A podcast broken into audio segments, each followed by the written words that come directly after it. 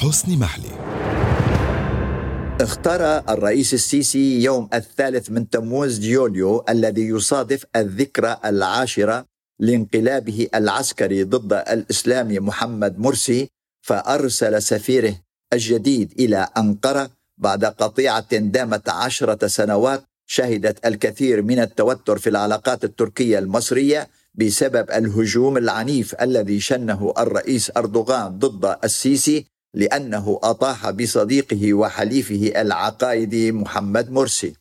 السفير الجديد الذي جاء أنقرة قيل أنه سيشرف على الإجراءات الخاصة بالزيارة التي سيقوم بها السيسي إلى تركيا وقيل بأن هذا الموعد هو السابع والعشرين من الشهر الجاري. وذلك بناء على دعوة خاصة وملحة من الرئيس أردوغان الذي قال خلال السنوات العشرة الماضية عن السيسي أنه ديكتاتوري واستبدادي وقاتل ومجرم وإلى آخره من هذه الصفات التي لم يرد عليها السيسي ولو بكلمة واحدة بل كلف إعلامه للرد عليها وعلى إعلام الرئيس أردوغان الذي شن المئات من الحملات العنيفة ضد السيسي لأنه أطاح بالإخوان محمد مرسي. دعوة الرئيس أردوغان للسيسي جاءت خلال لقائه به في الدوحة في العشرين من تشرين الثاني نوفمبر الماضي بوساطة الأمير تميم آل ثاني وذلك على هامش مباريات بطولة كأس العالم. وسبق ذلك العديد من الاتصالات والزيارات بين أنقرة والقاهرة على مستويات مختلفة أثمرت بقرار الرئيس أردوغان بوضع حد نهائي للدعم التركي للإخوان المسلمين المصريين وإسكات وسائل إعلامهم التي كانت تبث من إسطنبول. العلاقات المصرية التي بدأت بدخول السلطان سليم إلى القاهرة في الثاني والعشرين من يناير كانون الثاني 1517 بعد معركة الردانية شهدت خلال الفترة الماضية برمتها العديد من فترات الفتور والتوتر والعداء واحيانا التحالف. كما كان عليه الحال في عهد الرئيس الإخواني محمد مرسي الصديق المقرب جدا للإخوان أردوغان وهو سبب رد الفعل العنيف من قبل أردوغان على انقلاب السيسي لأنه أسقط مشروعه الاخواني عربيا واقليميا والذي تبناه أردوغان مع ما يسمى بالربيع العربي. وزادت أحداث الجاره ليبيا في الطين بلة بعد أن تدخل أردوغان بشكل مباشر فأرسل قواته والمرتزقه السوريين للقتال إلى جانب الفصائل الليبية الإسلامية المختلفة والتي كانت تقاتل ضد قوات خليفة حفتر المدعوم من مصر والإمارات والسعودية. وتحولت هذه الدول الثلاث معا إلى حلفاء جدد للرئيس أردوغان بعد أن نسي أو تناسى الجميع تهديدات أردوغان السابقة لكل من محمد بن زايد ومحمد بن سلمان وكما هو الحال مع الرئيس السيسي. ويبدو أن هذا الثنائي أي ابن سلمان وبن زايد يتحركان بشكل مشترك تجاه الرئيس أردوغان لإقناعه أو إجباره بضرورة الانسحاب من سوريا وليبيا والعراق في إطار مشروع أو خطة إقليمية جديدة بعد المصالحة الإيرانية السعودية التي تحققت واحتمالات المصالحة القريبة بين القاهرة وطهران بانعكاساتها على الوضع الإقليمي وبشكل خاص سوريا ولبنان.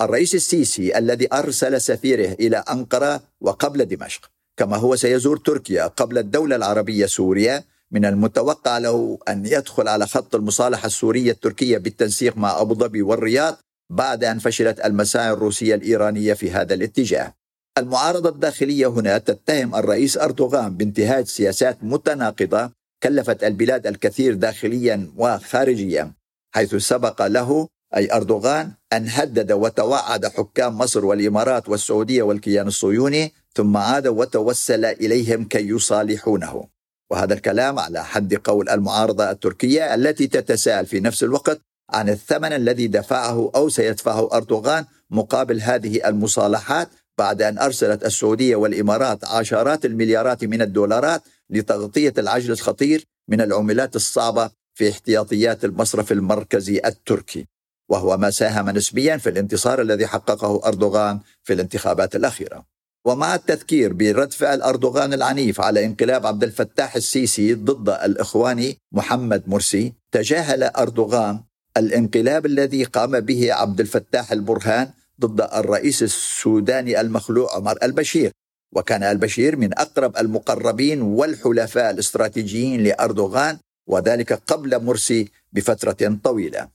ودون أن يمنع ذلك أردوغان من استضافة البرهان في أنقرة مرتين على الرغم من تطبيعه أي البرهان مع الكيان الصهيوني. وهو ما كان سببا لرد فعل أردوغان العنيف ضد ما يسمى بالاتفاقيات الإبراهيمية بين تل أبيب والأنظمة العربية وأهمها الإمارات وهي حليف أردوغان الجديد. ودون أن يتذكر أردوغان رد فعله هذا وما قاله عن المطبعين فالتقى هو ووزير خارجيته برئيس الكيان الصهيوني ورئيس وزرائه ووزرائه في أنقرة ونيويورك أكثر من مرة وفي أماكن أخرى بعد أن قام بتعيين سفيره الجديد في تل أبيب. مع المعلومات التي تتحدث عن زيارة قريبة لنتنياهو إلى أنقرة أو أردوغان إلى تل أبيب قبل نهاية الشهر القادم وذلك لفتح صفحة جديدة في العلاقات بين البلدين بانعكاسات ذلك على المعادلات الإقليمية الجديدة بما فيها حسابات الغاز الطبيعي شرق الأبيض المتوسط.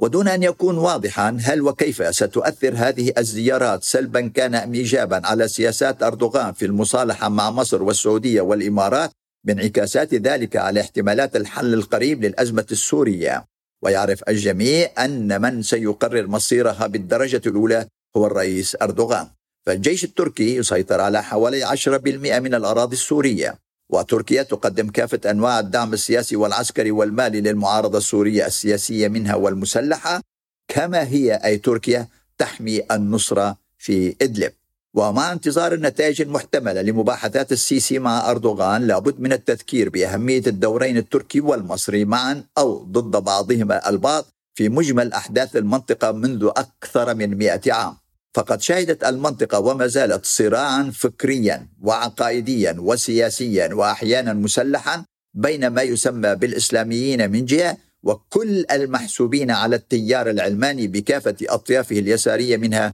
واليمينية. فقد كان مصطفى كمال أتاتورك هو أول من تبنى الفكر العلماني بعد أن أقام الجمهورية التركية في العام 1923 بعد حرب الاستقلال ضد فرنسا وبريطانيا وإيطاليا واليونان. كما ألغى الخلافة والسلطنة العثمانية. وجاء الرد على فكر أتاتورك العلماني هذا من مصر عندما أسس أحمد البنا حركة الإخوان المسلمين في العام 1928 وقيل أنذاك أن بريطانيا كانت من خلف الستار خلف هذه الحركة ومنذ ميلادها كانت وما زالت سببا لسلسلة من الأحداث والنقاشات الفكرية والعقائدية والثقافية والأهم من كل ذلك الدموية في العديد من الدول العربية والإسلامية بما فيها تركيا ومصر وباكستان وأفغانستان وأخيرا في دول ما يسمى بالربيع العربي الذي دمر المنطقة وبدعم من الأنظمة الإقليمية وكانت جميعا أي هذه الأنظمة في خدمة الدول الإمبريالية والاستعمارية والصهيونية المستفيد الأكبر من ما يسمى بالربيع العربي. والغريب في كل ذلك أن هذه الأنظمة هي التي تتبنى أدوارا جديدة في مسرحية المضحك المبكي وكأنها ليست هي التي أوصلت المنطقة إلى ما وصلت إليه. وتريد لنا أن نصدق انها تعمل من أجل الأمن والسلام والاستقرار في المنطقة وهو ما يكرره الرئيس أردوغان بين الحين والحين ناسيا أنه بسياساته وتناقضاته هو السبب الأهم في مجمل قضايا هذه المنطقة بل وتركيا داخليا أيضا. وإلى اللقاء في حلقة جديدة من بودكاست من الأناضول وبات واضحا أنه أي الأناضول كان وسيبقى كالعادة محط أنظار الجميع طالما أن الرئيس أردوغان يحكم هذا البلد ولن يكن له أي بديل على المدى القريب.